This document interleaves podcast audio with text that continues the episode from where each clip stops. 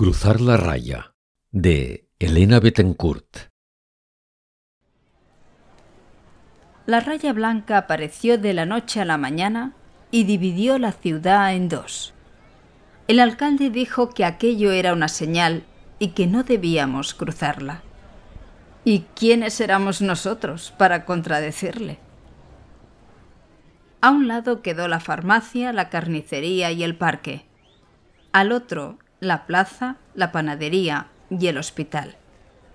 A la izquierda, la escuela, el gimnasio y la taberna. A la derecha, la iglesia, la piscina y el cementerio. Al principio nos lamentamos, que sin hospital cómo íbamos a vivir, que sin cementerio cómo íbamos a morir, que sin plaza dónde celebraríamos la fiesta, que sin cura quién nos iba a casar pero con el tiempo llegamos a acostumbrarnos. Los que se quedaron sin escuela enseñaban a los niños en casa y se automedicaban en la farmacia. Los de mi lado aprendimos a vivir sin carne y nos consolamos pensando que al menos teníamos pan. Así vivimos muchos años, hasta que un iluminado nos llamó imbéciles. ¿No veis que es solo una línea de tiza y que si queréis la podéis barrer o cruzar?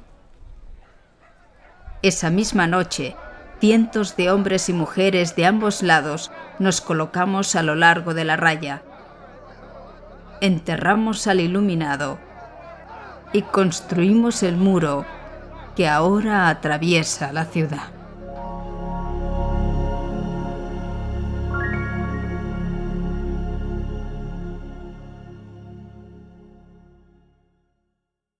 Relato ganador del concurso de microrelatos de la microbiblioteca Esteba Palutzí de Barbará del de febrero de 2022.